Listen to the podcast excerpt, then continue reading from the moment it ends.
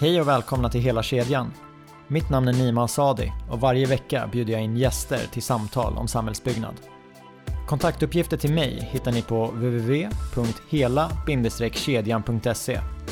Följ gärna podden på Instagram och LinkedIn. Där läggs det varje vecka upp filmklipp och information om kommande gäster. Sök på Hela kedjan eller använd er av länkarna i avsnittsbeskrivningen eller på hemsidan.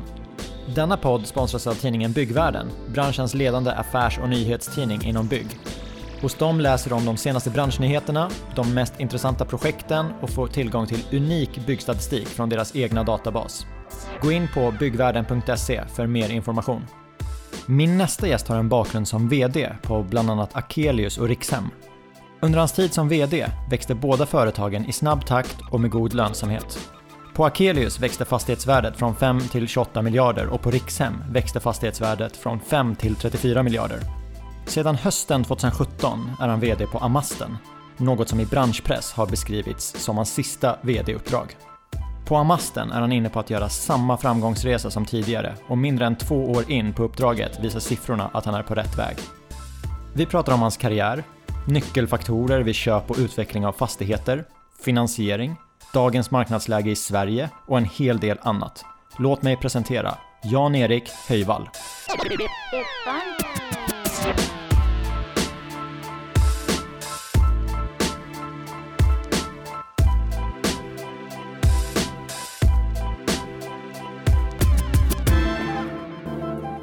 Varmt välkommen till hela kedjan Jan-Erik Höjvall. Tackar. Vi börjar direkt. VD på Amasten Fastigheter. Vad, eh, vad sysslar ni med? Vi äger bostadshus framförallt från Skåne upp till eh, Umeå. Och vi har ett stort bestånd i Mälardalen.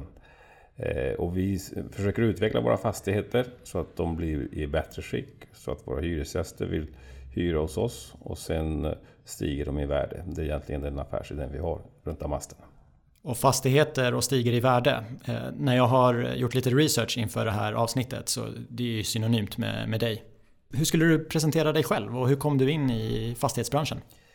Eh, jag som många andra pluggade på tekniskt och då hette det Lantmäterilinjen. Det var så länge sedan tillbaks. Nu heter det Samhällsbyggnadslinjen. Eh, och då var det en naturlig del att gå in i fastigheter. Man eh, fick en ny kurs eller kursinriktning som hette fastighetsekonomi. Och det var en rak väg in i fastighetsbranschen.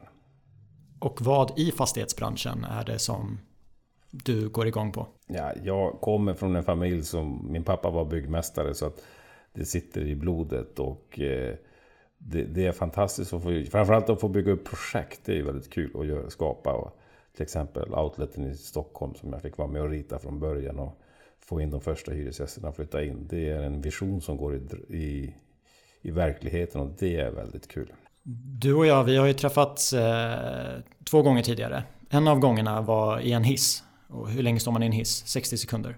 Och under de där 60 sekunderna så kommer vi fram att vi har en gemensam bekant. En kollega till mig. När du beskrev er relation sa du, vi har gjort affärer ihop. Hur skulle du beskriva dig själv och din relation till affärer? Ja, många beskriver mig som en väldigt affärsinriktad fastighetsperson och det, det stämmer väl, får jag väl tillstå jag vill ju se utveckling och göra affärer. Jag hade en kollega här som sa att ja, men du ska hålla på med affärer, det är det du ska göra. Så att eh, det stämmer väl till stor del. Största affären du gjort, vilken är det? Oj, nu får man tänka till. Jag har ju, det är många affärer på miljardklassen eh, och där kommer vi nog när vi köpte ut eh, Mandamus från börsen. Det var nog en affär på en 6 miljarder. Så det måste vara en av de större. Och när du säger vi, vilka representerade du då? Eh, då var det Akelius och då var det ju en väldigt infekterad affär med, med börs, börsen och LRF. Så det var spännande förhandlingar där. Alla ägare var inte övertygade? De var inte övertygade, de var inte övertygade om man skulle, om man skulle göra affären eller inte. Men det blev en affär till slut. När man eh, kollar i din karriär så ser man, förutom Akelius som du nämner, så har du, du har varit vd på Rikshem, eh, Drott och sen så läste jag i alla fall ett dotterbolag hos Skanska. Just det, det var det här bolaget som byggde outleten i Barkarby. Som ägdes ihop av Skanska och Ikano. Rikshem och eh, Akelius läste jag en intervju. Summerar man eh, tiden där i, i pengar så, så, steg ju fastighetsvärdena med över 60 miljarder under tiden som du var VD. Ja, det stämmer. Ja. ja. Jag vill höra mer om de, de resorna. Ska vi börja med Akelius? Det var ju, först var du där. Eh, eller, först har jag faktiskt en karriär i drott också. Där steg också fastighetsvärdena från 9. Men då var jag affärsutvecklingschef. Men då gjorde jag alla, höll jag på med affärerna framförallt i bolaget. Och då steg vi från 9, 9 miljarder till 34 miljarder. Så det var ju, och det hör ihop med när jag kom till Akelius så var det att Roger Akelius hade räknat ut eh, att det var intressant att köpa fastigheter. Han hade börjat med det efter sina obligationer och mer som han hade hållit på med tidigare och dataprogram för skatteplanering. Eh, men då hade han slagit in sig på fastigheter och då hade han ett bestånd på 5 miljarder. Eh, och då ville han, ville han göra ytterligare större affärer och då sålde jag alla fastigheter som var utanför storstadsregionerna Stockholm, Malmö, Göteborg till honom. Och det var en affär på 3 miljarder. Men det unika i den affären var att han tyckte att ja, men du får hänga med då som nio månader som VD också så att du kan garantera vad som hade, att dina driftkostnader och hyror är rätt. Så jag fick hänga med där nio månader i affären. Och det var för enda gången jag behövt hänga med i en portfölj jag sålt. Ja, och du blev väl kvar där också i några år till? Ja, eh, sen så fick inte jag göra så mycket affärer i Drott så jag eh, sa upp mig faktiskt och, i Drott och blev konsult under ett år. Och då kom jag jobba åt honom. Och eh, ett år efteråt så var jag ny VD för hans bolag. Men för någon som jag som inte är expert på fastighetsaffärer, alltså en värdeökning på 60 miljarder, hur, hur går det till? Man, eh, ja, en sak som det bygger på det viktigaste är att man måste ha bra förbindelse med bankerna så att man kan låna pengar. Eh, det är det viktigaste. Och i Roger Akelius fall så var det lite ännu mer spännande för att han lånar ju sen sina pengar från småspararna. Och jag vet inte riktigt om småspararna visste om det, att han lånade allt egentligen. Vi hade en soliditet på 3 procent eh, när det var som eh, mest belånat. Vad brukar man ha i fastighetsbranschen? Det har gått ner. Man hade kanske, på den tiden hade vi 20% soliditet eh, och nu är man nog nere, nu är Akelius under med på över 50% soliditet på sina fastigheter. Och normalt i branschen så har man kanske 35-40% soliditet. Så 3% är Det är ohöjligt lite, alltså det var ju men det var ju en, eh, Roger hade räknat på det här så han hade räknat väldigt smart hur han skulle få ihop affären. Ja, så ni fick in pengar mm. och de pengarna, vad, vad kollade ni efter? Ja, då, då var då han, eh, eller när han gjorde affären med mig på Drott så hade han eh, så hade han kommit överens om att köpa för 3 miljarder men han hade ju inga pengar utan då fick han låna eh, Ja, det var eh, kämpigt att låna i svenska banken så vi fick in en tysk bank som lånade in 2 miljarder och sen så sa han en dag på hösten, kommer jag ihåg, att ja men nu får jag fixa den sista miljarden också. Ja, hur ska du göra det? Så visade han upp lite bild, eh, bilder på annonser där han lockade småsparare att eh, låna till honom och få 8% ränta på sju år. Eller nio år. Per år 8% ränta. Så det var ju väldigt bra för, för småspararna men det var ju en risk, väldigt risk också om man tänker sig idag. Som de kanske inte visste om? Ja, de visste nog inte riktigt om det men eh, Roger sa att han skulle gå till godo för dem så han hade väl en kapital bakom sig också. Men när man lovar 8% till småspararna då måste man ju ha en ganska bra kalkyl själv. Vad, vad tjänade man? På den, den portföljen kommer jag ihåg, den låg ju på 10%. Och sen kanske man lånar i banken på 5-6% och då blev det lite leverage också så att Roger fick också kvar kapital. Så det var förklaringen. Vad var uppdraget? Vad kollade ni på för fastigheter? Ja, då var det, jag sålde iväg, det som alla var skeptiska till, det var ju Ericssons industrifastigheter ute i landet. Och de tyckte Roger var bra för att det var långa kontrakt på det där. Och så räknade han ut att om, om tre utav nio går i stöpet så blir det i alla fall fortfarande en bra affär. Så det var det hans matematiska uträkning som gjorde affären möjlig. Och det var värt 800 miljoner om jag kommer ihåg. De fastigheterna, industrifastigheterna och sen var det resten, 2,2 miljarder vanliga kommersiella bostäder ute i landet. När det blir en sån otrolig tillväxt i beståndet, en utmaning är ju kapital. Och det, mm. det löste ni ju. På det sättet ja. Mm. Vad finns det mer för utmaningar när man bygger upp ett fastighetsbestånd? Eh, ja, sen måste man ha ett, ett management. Alltså, normalt, ibland brukar man säga att fastigheter de står ju och går och det är inga problem att sköta om dem där. Och de finns ju kvar där, de flyttar inte utomlands. Men det där stämmer inte, utan man måste ha med sig ett gäng, ett management som kan ta hand om det här. För att man ska få en bra utveckling. När man tänker eh, hus, de står ju oftast i över 100 år. Men när du gör dina affärer, vad brukar du ha för tidshorisont? Egentligen, ja, man, det är svårt att säga tidshorisont. Man vet att man har några år på sig som man måste få i ordning. Och sen försöker man ju göra det så fort som möjligt och då hoppas man att man ska kunna klara av det här på ett år. Men det tar ju några år, fler år än det. Så att eh, man får ju räkna med en tidshorisont kanske på tre år, ibland kanske upp till fem år.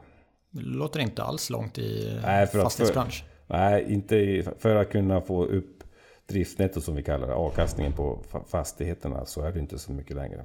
Ja, och då kommer vi in på, på min nästa fråga. För att man köper en befintlig fastighet, ibland är det hyresgäster i den. Mm. Eh, vad vill man göra? Man vill höja sin intäkt och minska sina kostnader. Mm. Vad har man för verktyg?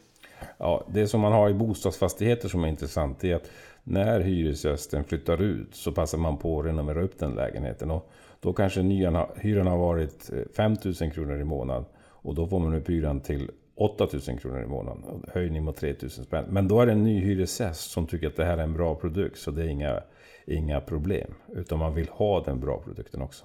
Det är inte alla som väntar tills personen flyttar ut? Nej, men då blir det ett större, svårare spel. Man ska då förhandla med Hyresgästföreningen. Man ska övertyga äldre människor kanske om att få den högre hyran. Utan då är det bättre att göra när, när hyresgästen flyttar ut. Vi har pratat om hyressystem tidigare i, i podden.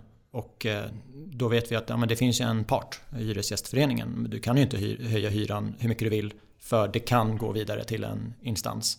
När du pratar om en 3000 kronor, vad räknar man då? För att man har investerat i att höja standarden. Mm. Hur många års eh, avbetalning sätter man in på det? Alltså, det, det, nu är vi ganska konservativa i branschen. Vi, eh, då kan man ju diskutera, egentligen ska en rätt kalkyl och se hur länge håller den här investeringen. Eh, men det gör inte... Och den kommer att hålla i 20 år, så man brukar inte bry sig. Man gör ingen sån exakt kalkyl på det. Utan man är nöjd med den avkastningen så vet man att den kommer att hålla i 20 år. Det är ganska lång tid. Höja intäkter, ja. Mm. Det, det är hyran. Och det, det gäller väl kontorsfastigheter också? Absolut. Kostnader, hur tänker man där? Ja, då blir det så att när man gör de här renoveringarna så behöver man inte ha lika mycket pengar till underhåll. Och, och, sen kan man göra också energiinvesteringar som innebär att man sätter in bättre fönster, man tilläggsisolerar och så vidare. Så man får lägre kostnader. Så att där blir det en kalkyl som blir bra i bägge, bägge hållen, både på intäkter och kostnader. Och driftnettot som du nämnde, mm. är det intäkterna minus kostnaderna? Just det. Vad eh, är standard i branschen att ligga på där, på bostadssidan? Ja, man säger ju att man ska ligga, man har ju alltid ett mål att man ska ligga på 50% och är, är bättre än det, det är ungefär målet. Det låter ju som en stabil avkastning.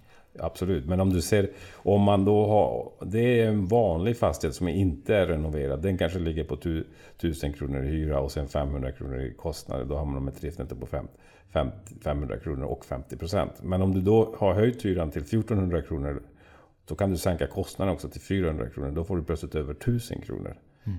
per kvadratmeter. Och då har du dubblat intäkten. Kostnader visste ju en del för förvaltningen eh, som kostar. Lånen kostar ju också. Och då kommer vi in på marknadsläget nu. När jag kollar, det måste ju gå att låsa ganska låga räntor bra många år framöver. Så var det inte för tio år sedan. Hur har det påverkat marknaden? Eh, det har ju påverkat marknaden väldigt. Alltså, nu, vi, fått, vi har fått en japansk marknad här och vi vet inte riktigt om vi har den japanska marknaden i ett längre perspektiv. Så nu sitter man och funderar på det. Men, och i Japan har det varit låga räntor under lång tid. Och jag tror ju att vi kommer också få det därför att vi har en globalisering som innebär att man kan köpa varor och tjänster billigare runt om i världen. Och ett exempel är, är kläder och så vidare som man handlar på ett annat sätt. Och därför får vi inte inflation och då får vi inte upp högre räntor heller.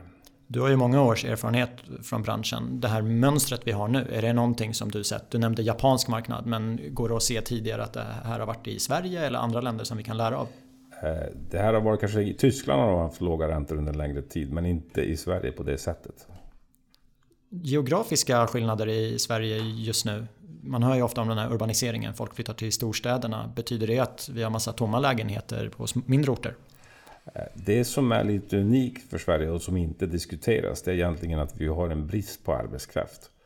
Eh, och vi har en brist på arbetskraft även på mindre orter. Där framförallt hemtjänst och, och industrier söker folk. Eh, och det är egentligen det som är den stora utmaningen i framtiden. Låt oss kolla framåt. Vad, vad, tror du om ränteläget och rörelsemönster i Sverige? Kan du måla upp en scenariovision som du har? Jag tror att vi får ett ganska lågt ränteläge framöver också. Det finns inga fundamenta som styr det här mot att vi skulle få en högre inflation och högre ränta. Så det kommer inte. Så det är egentligen en väldigt spännande. Om man har den delen så finns det egentligen bara en del för fastighetsbranschen att, att det kommer att gå väldigt bra. Utan vi kanske ser att priserna kommer att stiga ytterligare. Lågränta borde ju betyda att eh, de här vanliga hyreshöjningarna, de årliga förhandlingarna, de kommer inte gå upp särskilt mycket. Nej, men de, det finns en, de, kommer, de kommer att gå upp med 1-2 procent. Men sen om man då gör de här rotrenoveringarna eller bättre renoveringarna, då får man upp hyresnivån. För då kan man jämföra mot nyproducerade bostäder. Och då ska man veta att de här äldre fastigheterna ligger i bra lägen. De äldre lägenheterna är faktiskt ibland i bättre standard efter renovering än nyproducerade lägenheter. Jag läste någonstans att eh, om man kollar de senaste fem åren så har snitthöjningen varit under inflationen. Hur påverkar det eh, fastighetsbolagens marginaler? Ja, jag tror att om du tittar på snitthöjningen, om man då tar all, alla bolag och då får vi in allmännyttiga bolag också. Men om du tittar på privata bolag så har de lyckats lite bättre än, än snittet. Så jag tror att man har haft i alla fall inflationen, eller lite bättre än inflationen i hyreshöjningar. När vi pratade med Annika Ånäs så nämnde hon att eh, ja, men det låga ränteläget gör ju att det är ganska attraktivt att investera i fastighetsbolag. Märks det att det kommer in mer kapital på fastighetsmarknaden? Eh, ja, det märks. Det, det, och det märks direkt när man kan visa rekord. Då kommer ett intresse in. Man, är ju, man vill se att man kan utveckla och förvalta fastigheterna. Eh, då finns det ett intresse. Och du kan ju visa rekord så du får samtal varje vecka. Eh, jag får samtal. Det är klart, jag har ju bara varit VD här ett och ett halvt år så det är ganska kort tid. Man behöver nog visa upp lite längre tid. Men eh, hittills ser det bra ut.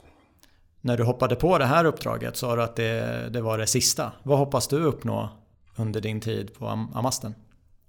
Ja, när vi, när vi hoppade på där så sa man att, att, att jag skulle fördubbla aktiekursen och eh, då var aktiekursen 3,50 och nu ligger den och tangerar 6 kronors strecket. Så att snart har jag gjort mitt uppdrag som enligt styrelsen var målet då när jag startade.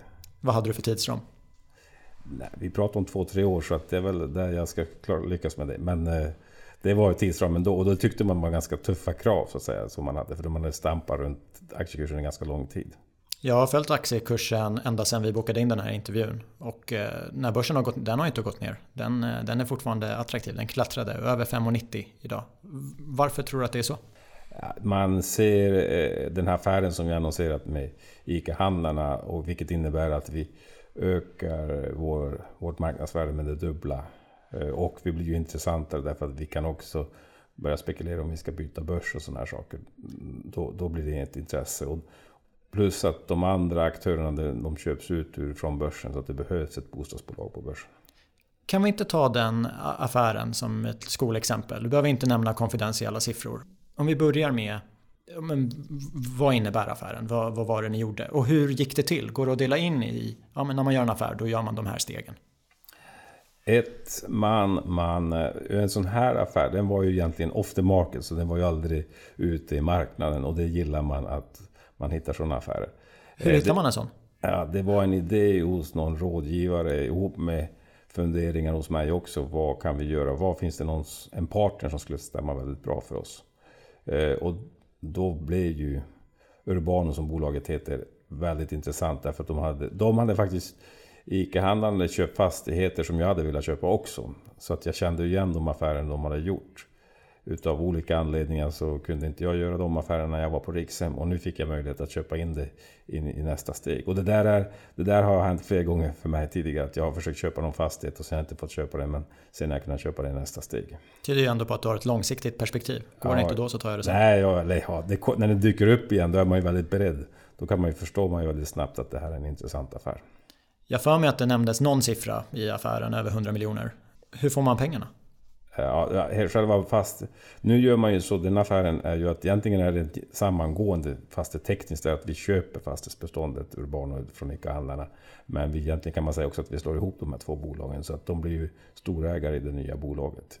Och varför var det en bra affär för Amasten? Vad är det ni har köpt? Uh, vi har köpt bostadsfastigheter i växande städer. Växjö, Nyköping, Nynäshamn, Örebro, Gävle, som då är klart intressanta för vår, eh, vår fortsatta tillväxt. Och även Upplands Väsby var med, där glömde jag bort.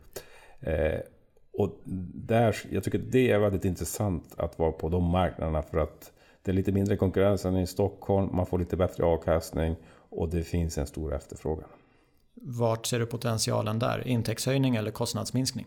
Ja, vi kommer ju att jobba med det som de också har jobbat med hela tiden, att renovera lägenheter efterhand eh, folk flyttar ut eller hyresgäster flyttar ut. Det blir vår affärsidé. Jag var inne på Amastens hemsida och då under strategi så står det förvärv, värdeskapande förvaltning och nyproduktion. Förvärv har du nämnt lite, ni kollar på tillväxtområden mm. och det är bostäder och lokaler. Nu har mm. vi mest pratat bostäder. Vad är en värdeskapande förvaltning? Ja, värdeskapande förvaltning, det var det som vi pratade om. Det är när man bygger om och renoverar lägenheten och kan höja, höja, få en högre hyra av en ny hyresgäst. Och det är en ny hyresgäst. Och det är värdeskapande förvaltning. Och göra energiinvesteringar som innebär att det går åt mindre el i belysning, mindre värme genom fönstren och så vidare. Är det den innovationen som finns? Att eh, värdesförvaltning, det man gör där är rustar upp? Ja, sen finns det också att man kan utveckla, som, är, som vi också jobbar med framgångsrikt, det är att ta lokaler som inte kan användas idag och hyras ut, utan man kan utveckla dem till en, en annan användning. Ett bra exempel är i Finspång där det var en galleria. Övervåningen på gallerian var i princip helt tom. Eh, men då tömde de sista hyresgästerna och flyttade dit eh, kommunens bibliotek istället. Och då blir en win-win. Kommunen får ett bättre läge för sitt bibliotek och vi får en bra hyresgäst på övervåningen som annars är svår att hyra ut. Är det ni som pitchar den idén då? Ja. Förvaltning, finns det några skalfördelar? Absolut. Om man får en viss bestånd så kan man ha ett visst antal människor anställda på orten och då får man en lokal förankring vilket är väldigt viktigt. Så, så att man kan veta vilka hyresgäster det är och så vidare. Nyproduktion. Jag har läst om eh, ett koncept, eller eh, kallas det det? Ricky-hus. Just det.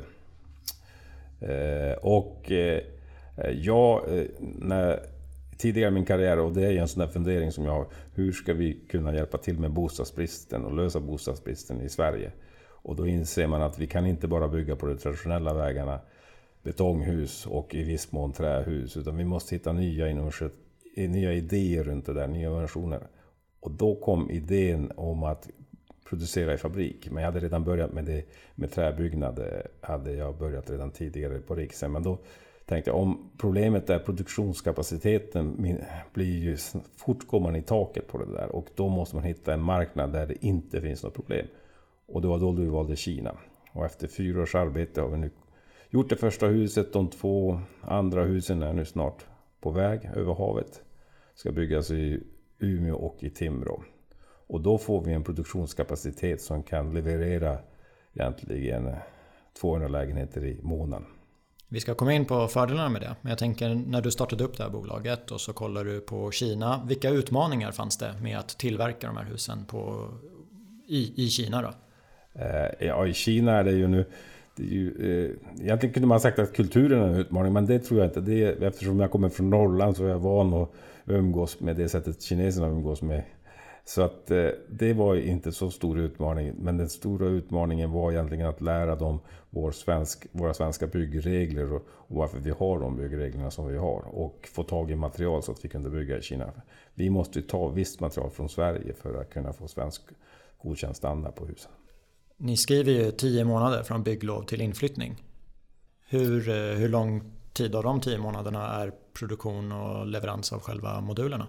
Man kan säga att om vi delar upp det när vi börjar bygga, när vi fått bygglov så kan vi göra beställningen och då har vi egentligen gjort en liten tidigare beställning också på det här när vi börjar känna att det här börjar bli klart och då sätter våra vänner i Kina och bygga husen. Och då bygger de husen under, under ett antal månader, fem månader kan man säga. Sen tar det en och en halv månad och få hit dem, då är vi sex och en halv månad. Sen tar det två och en halv månad att sätta upp dem, så är vi uppe i nio, tio månader i hela produktionen. Under den tiden de är på havet eller när de byggs i fabrik så bygger vi själva grunden, gjuter betongplattan.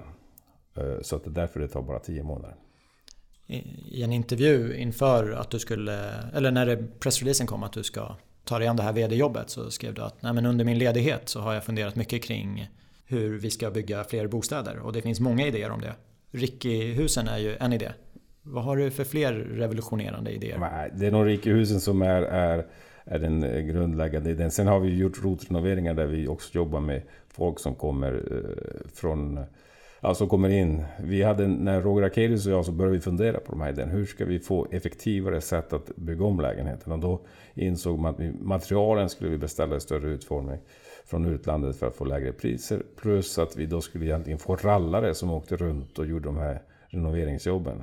Så att det blir effektivare. För då om man gör återupprepar hela tiden så blir det effektivare om man gör på olika orter. Du tog dig an vd-jobbet för ett och ett halvt år sedan. En av uppgifterna var att dubblera aktiekursen. Vi är snart där. Vad har du, vad har du ägnat din första tid på bolaget? Vad, vad har du fokuserat på?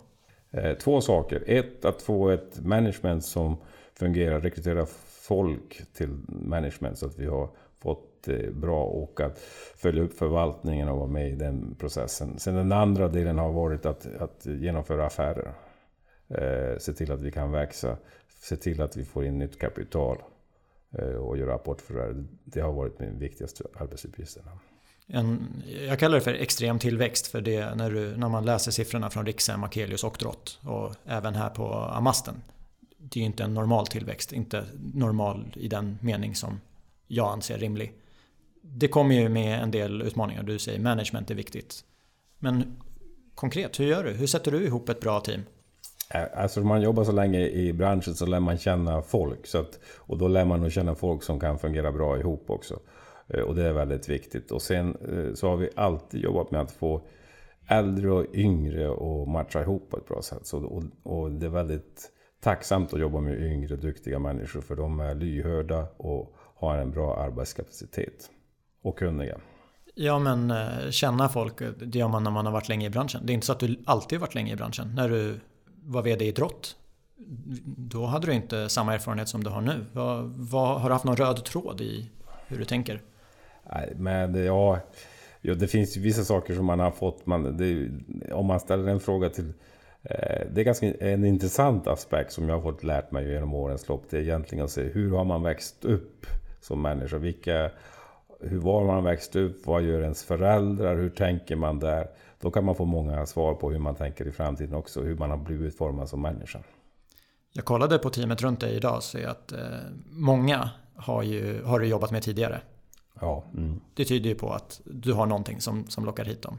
Och då vi hade en inspelning för någon vecka sedan. Så pratade vi om resultat och relationsinriktning på, i ledarskapet. Vad gör du för att folk ska känna sig som uppskattade och vilja jobba med dig igen? Ja, men vi har lite, vi försöker ha väldigt kul på jobbet. Det är en av sakerna. Mycket skratt. Vi har inga, och vi har väldigt lågt i tak här också. Man, kommer, får komma med idéer som man tycker är intressant. Och, eh, så det uppmuntrar vi. Sen så är det en liten form av tävlingsinriktning här också. Vi har ju små tävlingar här och där om olika saker. Så att jag tror att alla som jobbar är lite tävlingsinriktade på det här kontoret. Nu skriver ju så här, vi ska, vi ska bidra till samhällsutvecklingen. Hur mycket lockar det? Och hur mycket lockar andra saker som för att komma hit och jobba med dig? Samhällsutveckling tror jag lockar väldigt mycket för man vill vara stolt över sitt företag när man jobbar och, och eh, att man bidrar och utvecklar kommunen där vi finns och så vidare. Så det där är en väldigt viktig faktor som, som gör att folk vill jobba här. Har du några exempel på när ni har bidragit till samhällsutvecklingen? Biblioteket var ju en, en sak. Istället för en tom lokal så har vi kommunverksamhet. Men har du några fler exempel? Ja, det, att vi i Timrå börjar bygga till exempel och satsa på en ny, en ny fastighet eller en ny rikehus i Timrå. Det visar ju på att vi tror på Timrå och det bidrar till utvecklingen i Timrå också. Det, om vi tror så tror fler på Timrå. Det brukar vara en följa men, men följa lång väg i många orter som vi är i. Vad har ni för indelning nu när ni utökar beståndet? Hur mycket är nyproduktion och hur mycket är köp av befintligt? Alltså det är ju huvudsakligen köp av befintligt. Nyproduktion, ja det ökar ju nu under det här året. Vi kommer ju göra två stora projekt i Nykvarn och eh, Sollentuna och det är ju investeringar uppåt 700 miljoner. Så att det utgör ju 10% nu kan man säga utav eh, beståndet. Då. Ja, då tänker man att ja, det befintliga är en mycket större del. Du och Roger funderade kring det här med förvaltning, att när man renoverar, göra större materialinköp. Har, har, har, finns det någon motsvarighet till, om vi kallar Ricky-hus för ett koncept i nyproduktionen? Något för förvaltningen, att det är det här vi gör? Nej, inte, eh, ja, det finns ett koncept hur vi renoverar lägenheter och så vidare. Där finns ett koncept och hur vi hyr ut lägenheter och vad vi tänker på det. Så det finns många olika kon koncept som vi har likartat i hela förvaltningen. Jag kan ju inte släppa det och jag har inte kunnat eh, släppa det sen jag läste det. Att eh, dina resor på Rikshem och Akelius, att fastighetsvärdena ökade med 60 miljarder. Vi kan inte bara ägna två minuter i podden åt det. Jag vill höra om affärerna. Har du någon spektakulär affär som du kan dela med dig av? Eh, vi har en riktigt rolig affär och som visar hur marknaden kan utvecklas väldigt hastigt i fastighetsbranschen. Eh, det var när Ericsson var i kris. Eh, jag tror att det här är i början på 2000-talet när exporten går väldigt dåligt. Och varför berör det oss? Jo, därför att de har ett centrallager i Huddinge. Och Caterpillar ansvarar för det där lagret. Och hyresavtalet har precis, håller på att gå ut. Eh, men då hittar vi på en, en, en väldigt kreativ hyresavtal för de som egentligen säger att ja, de får betala hur mycket de behöver utnyttja lagret. Men å andra sidan tar vi lite betalt för det också. Så att de, om de utnyttjar mycket av lagret så blir det mycket de får betala. Och då dröjer det bara ett år så svänger det plötsligt igen. Och Ericsson får en massa order. Vilket innebär att det där lagret blir knökafullt. Och då får betala en hy hög hyra och då inser de att de vill komma tillbaks till oss och förhandla om ett ny, nytt hyresavtal. Eh, och då gör vi ett nytt femårigt hyresavtal som var mycket bättre än det vad vi släppte för ett år tillbaks. Eh, och samtidigt tänker vi att nu passar vi på att sälja det här. Det här har haft en fantastisk utveckling på de tre åren vi har haft det här. Och då kommer jag ihåg när vi sålde det, för vi hade köpt det för 100 miljoner. Eh, och så kallade vi till ett möte på, bank, eller på advokatkontoret. Och banken är med oss och är lite orolig och funderar på hur det här ska gå. De har ju också läst om Ericsson och problemen. Eh, men då säger nej men vi är klara, vi ska sälja det här. Så det är lugnt för er, ni kan lösa era lån. Och de hade kanske 60 miljoner i lån på det här. Jaha, säger bankmannen. Vad fick ni för det? 200 miljoner. Eh, och då hade det varit en värdestegring på 100% på tre år. Och då kommer jag ihåg att den bankmannen, han satt nästan inte still på stolen. Han fattade ingenting. Det där är ju ett väldigt lyckat exempel. Har du gått på några minor? Eh, inte på senare tid. Jag har gått på en riktigt stor mina, men det var när, när jag var ung och jag jobbade på, eh, på eh, AP-fonden också. Apropå det så var jag den första på AP-fonderna som blev anställd för att jobba med fastigheter 1988. Eh, och då fick jag vara med och bygga upp den verksamheten också från egentligen noll till 16 miljarder när vi slutade fyra år senare. Och eh, då, då var det väldigt tryck på att AP-fonderna skulle köpa och då tyckte jag att när vi köper eh, fastigheter med långa kontrakt så, så är det i alla fall lugnt. Så behöver vi inte, för det skakade riktigt då på 90-talets början. Eh, och då köpte vi SLT-kåken som den fanns då med i Solna. Och då var hyran 2000 kronor. Och det här är 1900. 92 kanske. Och det var ju hög 2000 kronor men det var så att man hade satt upp för att få ett högt fastighetsvärde. Och eh, vi köpte den. Och då kan man konstatera att eh, hyran är inte ens 2000 kronor idag. Utan den är kanske 16-1700. Och, och direktavkastningen är kanske är högre än vad det var vi köpte den. Vi köpte den på 5%, den är högre än det. Så det där var en av mina sämsta affärer, men det var absolut den sämsta. Hur påverkades du av fastighetskrisen på 90-talet? Jag jobbade då på AP-fonderna så jag hade en ganska lugn tillvaro. Jag har läst lite mm, svarta rubriker nu om bostadsmarknaden. Den är osäker, den har gått ner på bara några år så har det kommit hur många bostadsutvecklare som helst som köpt mark och inne och nu är det en del som går omkull. Vad, vad ser du för trend på, på marknaden? Går det mot en konsolidering? Absolut, det går mot en konsolidering också. Men då ska man tänka sig att det är en väldigt stark marknad ändå Stockholm. Så det är inte, det är inte som Köpenhamnsmarknaden som där man hade hade lägenheter, eller för en del i USA också, som man hade lägenheter som man spekulerar i hyr ut på andra hand. Utan det här är en marknad som ändå är ganska stabil i fundamenta.